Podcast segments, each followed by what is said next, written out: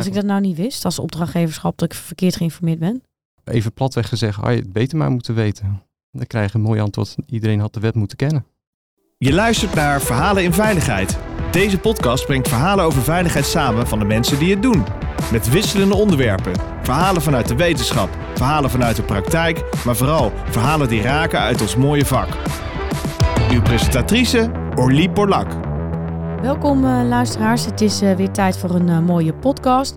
Ik zit samen in de studio met Marco Kok van Ventolines. En wij gaan het vandaag hebben over ja, wat is goed opdrachtgeverschap. Maar ik heb nog nooit van Ventolines gehoord. Het was echt totaal nieuw voor mij. kun je me eens uitleggen wat jullie doen?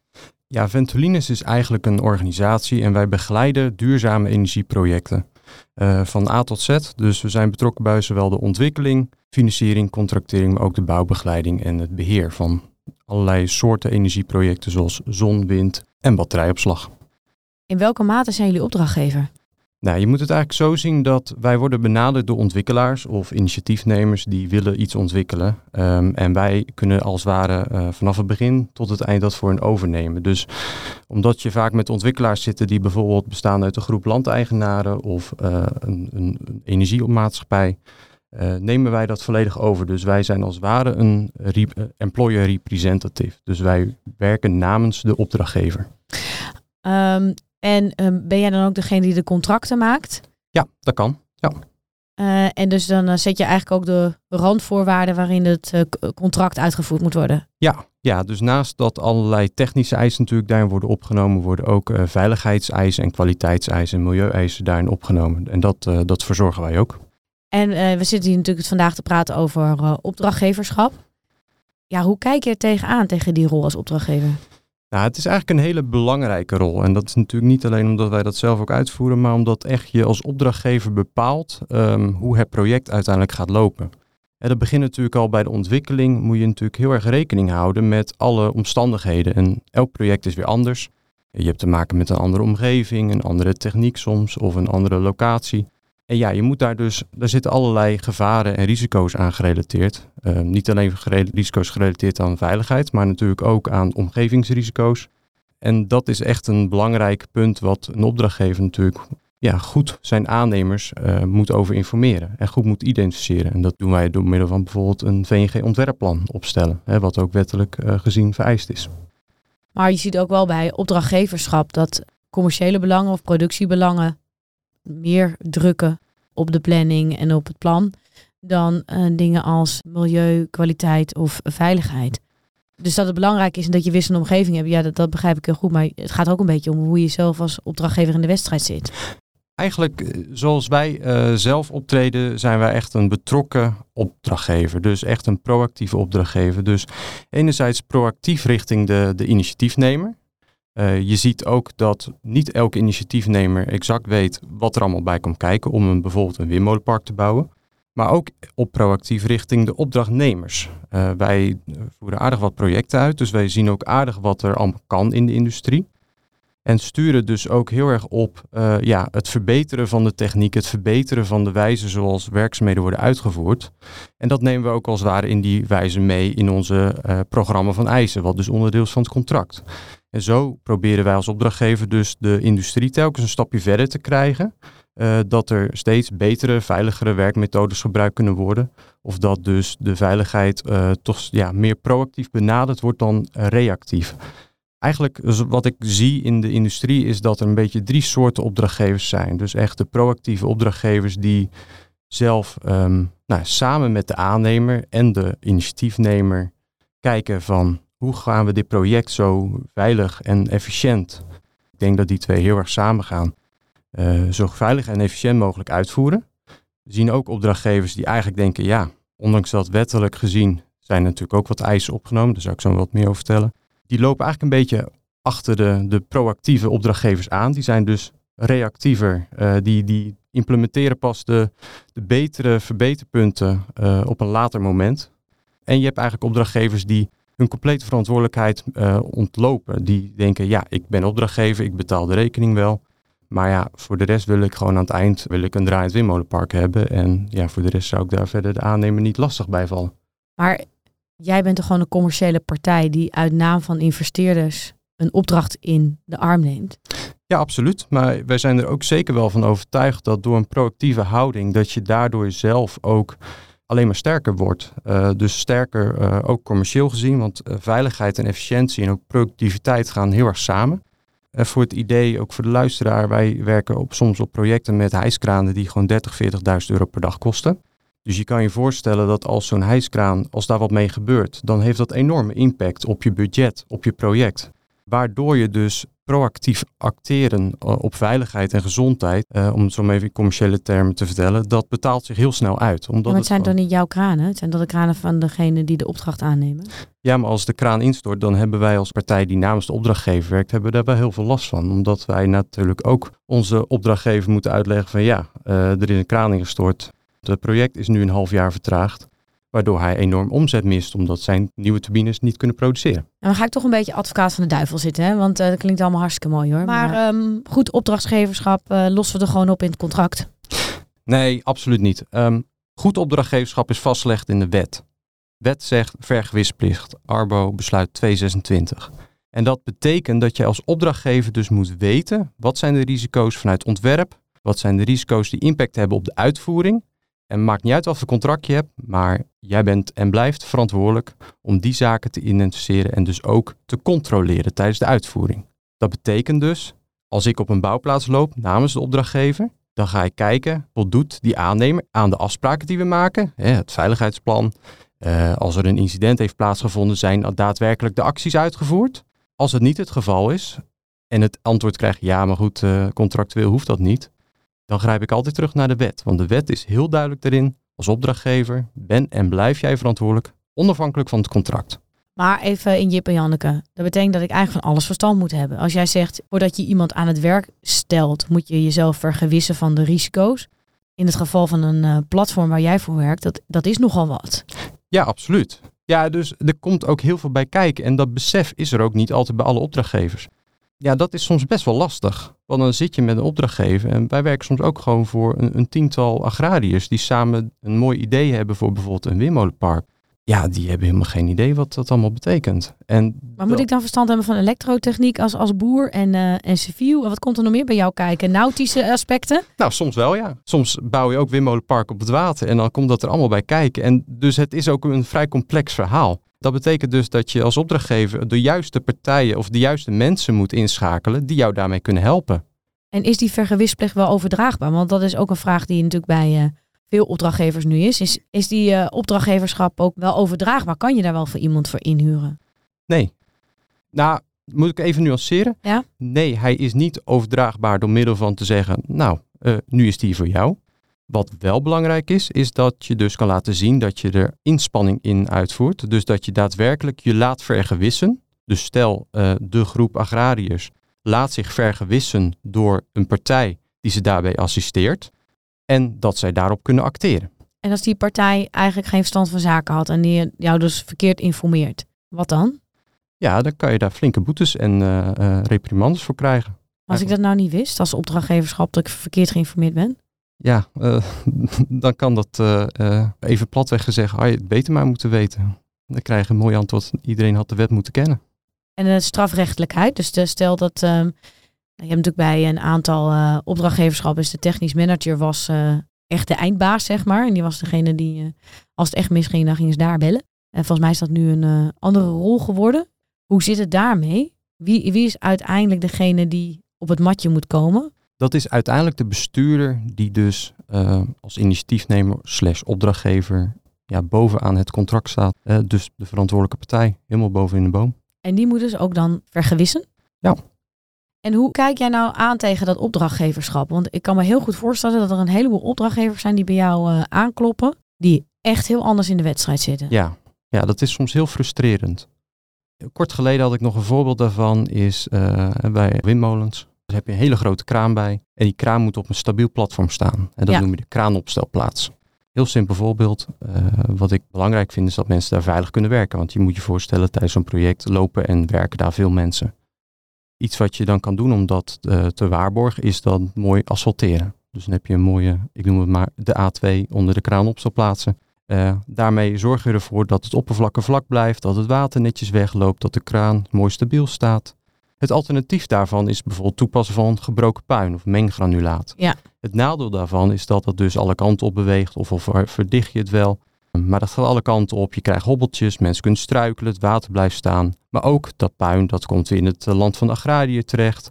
Maar het kan ook, nou ja, doordat iemand daar loopt en het ergens tegenaan trapt, dat het kan ook in onderdelen komen die tot 150, 160 meter de lucht ingaan en naar beneden vallen. Dan heb je het gewoon over potentieel dodelijke objecten die naar beneden vallen. Het voorbeeld geeft aan dat je daar keuzes in maakt. Dus dat jij als, als, als eindbaas, als eindverantwoordelijke, als opdrachtgever een keuze moet maken. Ja, wil ik een goedkope oplossing voor die kraan op zijn plaats? Of wil ik bijvoorbeeld in dit geval iets duurdere? Ik durf nog wel bijna te beargumenteren dat op lange termijn goedkoper is. De asfaltoplossing waarbij ik al die problemen niet heb. En het mooie is, is dat bijvoorbeeld ook een arbeidsinspectie daar veel meer op gaat controleren. Die gaat langs veel projecten, want dit is ook echt momenteel een campagne vanuit de arbeidsinspectie. En die gaat ook kijken van, hé, hey, op dit project zie ik deze oplossing. Nu kom ik op een ander project. Hé, hey, maar waarom hebben ze daar dan eigenlijk een ouderwetsere oplossing gekozen? En wat doet dan zo'n bedrijf eraan om, nou ja, weer zo'n stapje te maken?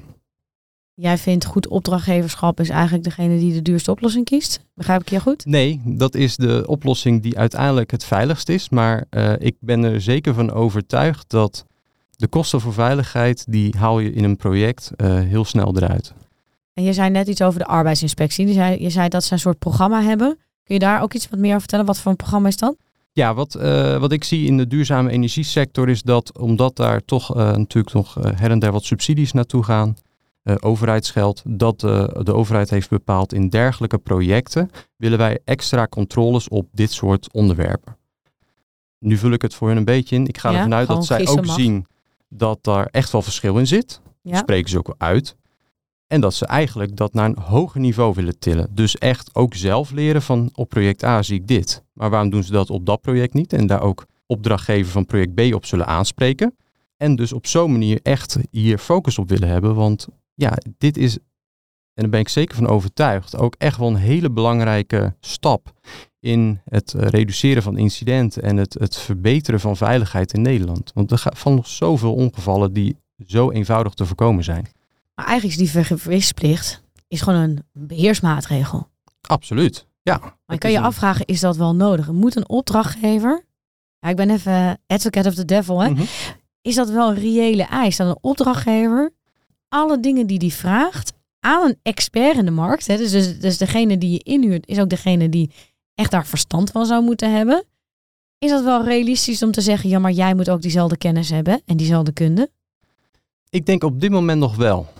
Uh, ik zou zeggen, in een uto, uh, over een tijd, hopelijk is dat dan niet meer nodig. Dat iedereen denkt, ja, maar het is toch logisch dat ik van tevoren kijk wat de risico's zijn van deze omgeving. En dat ik dat deel met de, de partijen die het voor mij gaan uitvoeren. Maar ik denk dat wat, je, wat ik zie op dit moment is dat dat absoluut niet vaak gebeurt. Ik, ik zie soms eh, bijvoorbeeld VNG-ontwerpplannen die gewoon copy-paste zijn van, van een compleet ander project. Dan denk ik, ja, uh, zo kunnen we allemaal wel onze, onze uurtjes schrijven. En dat is niet wat de wet vraagt. Of, en dat, daar heeft een aannemer ook niks aan. Nee, maar dat snap ik wel. Kijk, als, als een schilder bij jou in je huis gaat werken en jij hebt een uh, rotweiler. Uh, en jij gaat daarna weg en je geeft hem de sleutel. En je vergeet even te melden. hey, om de hoek staat een hele enge rotweiler. Doe alsjeblieft de deur niet open. Ja, dat snap ik wel. Dat, dat het jouw verplichting is om te vertellen. Wat kom ik allemaal tegen in jouw spookhuis. Ja. Maar die vergewisplicht gaat misschien wel verder, denk ik, dan het spookhuis definiëren, of niet? Ja, absoluut. Dat uh, komt ook zeker terug in de uitvoeringsfase. Dus naast dat ontwerpfase erg belangrijk is van wat zijn de risico's die wij nu voorzien, gaan er tijdens de uitvoering komen er ook risico's naar boven en gevaarlijke situaties. En dan kan je als opdrachtgever niet zeggen, ja, ja, ik had al wel het vermoeden dat het niet helemaal goed ging, maar ik heb er maar niks van gezegd, want ja, de productie was wel, uh, was wel goed. Uh, nee, dat betekent dus ook dat je soms als opdrachtgever het gesprek met de aannemer moet hebben van, sorry, maar zo kan het niet verder. Ik zie nu dit gebeuren of een ernstig incident. En ja, voordat jij verder gaat, ga jij eerst dat oplossen en ga je laten zien dat het uh, netjes gedaan wordt. Je hebt niet een soort papa en mama gevoel. Die zegt van, wordt die opdrachtgever wordt een soort ouder. Die, die, die dan op werk komt controleren hoe zijn aannemers het doen. Dat, zo klinkt het toch een beetje. Ja, dat snap ik wel. En dat is ook wel iets wat, nou niet in die woorden, maar wel op een andere, in andere woorden, wat, ik soms hoor. Maar um, Ja, het komt wel uit een, uh, uit een goede uh, bedoeling. En ook uit een bedoeling die echt wel gericht is op het voorkomen van, uh, van echt letsel en van, van, van gedoe eigenlijk, zou ik hem even noemen. In plaats van, oh laat mij eens even zien, of ik laat, me, ik laat even zien hoe goed ik het allemaal beter weet dan jouw aannemer. Dat absoluut niet. Nee, vier ogen principe is een beetje de intentie. Ik begrijp de intentie heel, heel goed, maar het is natuurlijk wel een beheersmaatregel. Een extra toezicht op, op de uitvoer, om het even heel plat te zeggen. Ja, maar ik zie wel dat het nog steeds nodig is.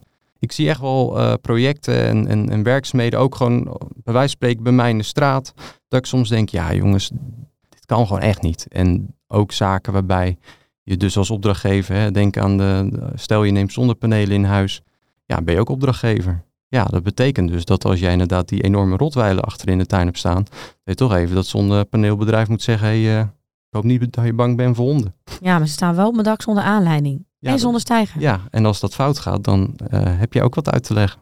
Ja, ik kan me ook voorstellen dat jij uh, wat overredingskracht nodig hebt. Ja. Ja, vertel. Ja, wat ik zelf altijd probeer te doen, um, is toch wel het gesprek aan blijven gaan met de man en vrouw op de werkvloer. Ik vind dat namelijk het belangrijkste. Dat zijn de mensen die blootgesteld worden. er zitten veel mooie projectorganisaties in Ivoren Torens. Hetzelfde geldt voor mooie projectmanagers die uh, aannemers werken. En um, die, die hebben zelf geen last als fout gaat. Dat zijn echte mensen die in de kraan zitten, die op de bouwplaats aanwezig zijn.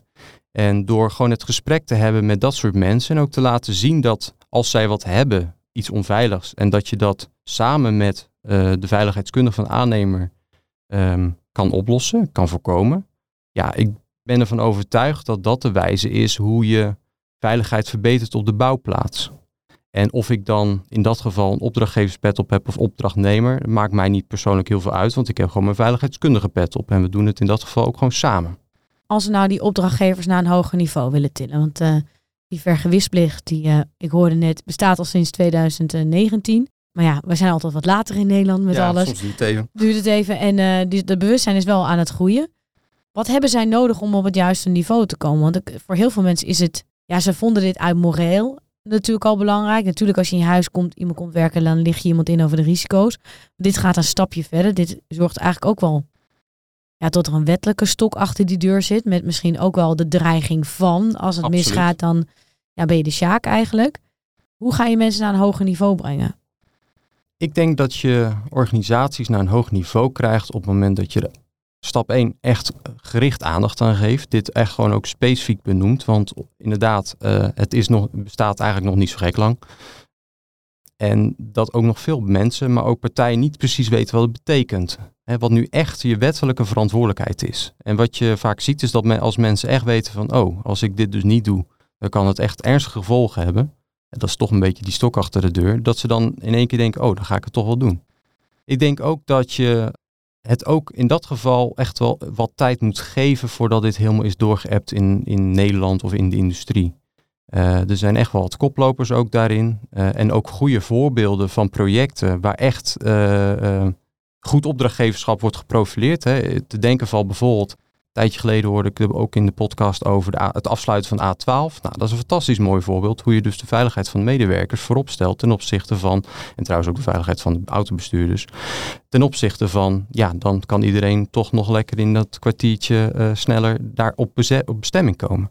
En zo'zelfde bijvoorbeeld heb ik ook gezien op een project waarbij we dus gewoon echt de helft van uh, de snelweg afsluiten. Omdat we daar uh, op dat hele project gewoon 10.000 vrachtwagenbewegingen hadden. En we het gewoon niet verantwoord vonden om die weg open te houden en met allerlei verkeersafzettingen uh, toch mensen in een paar meter van je werkgebied te hebben rijden. Ik werk voor een aantal opdrachtgevers. Ik weet niet of de wet altijd daar de dwingende factor is, maar wat je wel ziet is dat veel van die organisaties hebben mensen die er al 40 jaar werken, die dan dingen hebben meegemaakt en eigenlijk elkaar aankijken en zeggen, ik wil gewoon nooit meer. Ja. En dat ze zichzelf hardop afvragen, joh, maar is het nou echt aan ons om de expert te gaan controleren? Dus ergens voelden ze zich ook een beetje schroom. Weet je, dat ik zei net al als een vergelijking voor gek scherend van papa en mama. Maar ga, moet ik jou dan gaan controleren op jouw vakmanschap?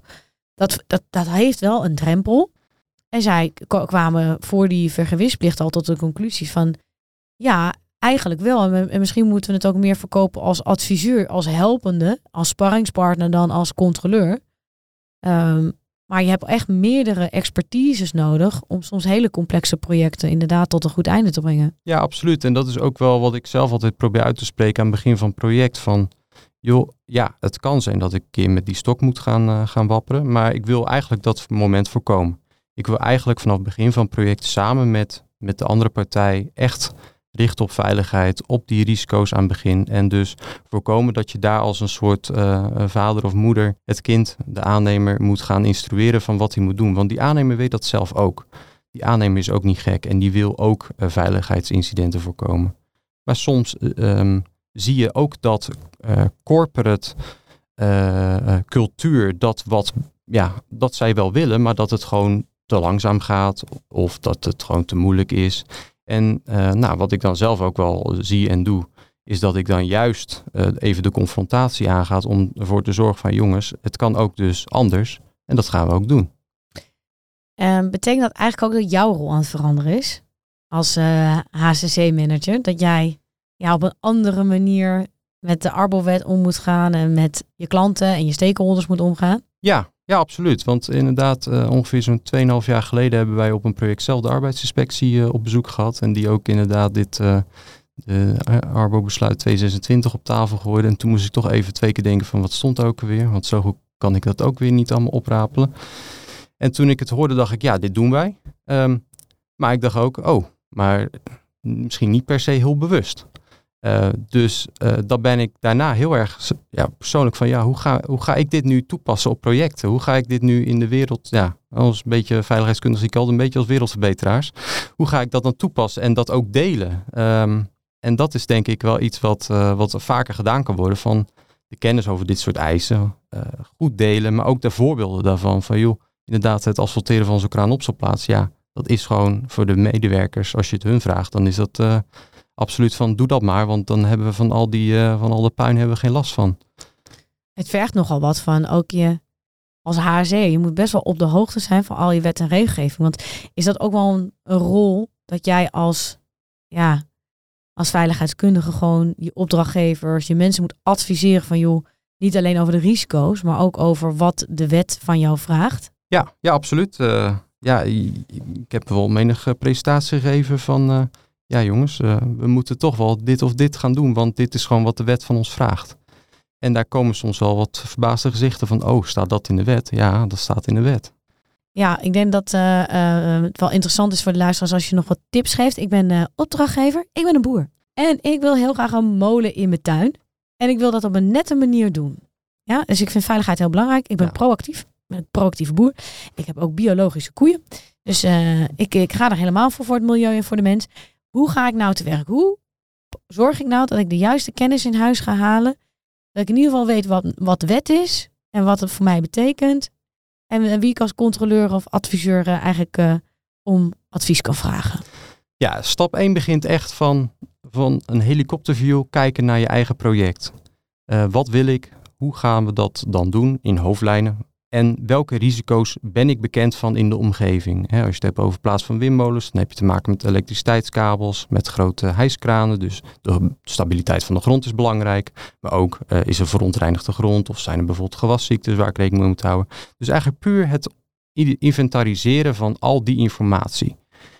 Um, die informatie ook duidelijk, hè, dat is uh, tip 2, duidelijk communiceren in de contractering en daar ook al meteen vragen, hey, ik heb deze risico's op mijn project. Wat ga jij daaraan doen? Dus hoe ga jij die risico's in uitvoering zometeen beheersen? En dan, als het allemaal goed gaat, dan kom je tot een contract, haal je de financiële middelen binnen, ga je, contract, ga je het project uitvoeren. En dan moet jij dus ook daadwerkelijk kijken, hey, wij weten dat daar bijvoorbeeld gewaszaden zit op dat terrein. Nou, aannemer, ik ga controleren of jij je machines dus schoonmaakt op het moment dat je van plek A naar plek B gaat. Heel vrij simpel voorbeeld, maar ik denk dat dat wel voor de verbeelding spreekt. En dan ga je dus ook zelf controleren op de punten die jij bekend bent en die dus tijdens dat hele ontwikkelingsproces uh, naar boven zijn gekomen. Dus andere risico's waar je van begin nog niet afwist. Uh, ga jij daarop gewoon actief monitoren. En dat betekent echt niet dat je daar uh, continu het handje van de aannemer hoeft vast te houden, maar dat je heel risicogestuurd gaat kijken van waar wil ik eh, zien dat zij als het ware doen wat we samen hebben afgesproken. En dus als het ook nodig zou zijn, mensen daar direct op aanspreken als iets gebeurt wat je niet wil zien. Dus wat niet veilig is. Nou mooi, dan wil ik jou uh, bedanken voor deze leuke en informatieve podcast. Graag gedaan. Je luisterde naar Verhalen in Veiligheid. Wil je niks missen van deze podcast? Abonneer je dan op deze podcast in je favoriete podcastplatform. Of laat een recensie achter via Apple Podcast. Dank voor het luisteren. Graag tot de volgende.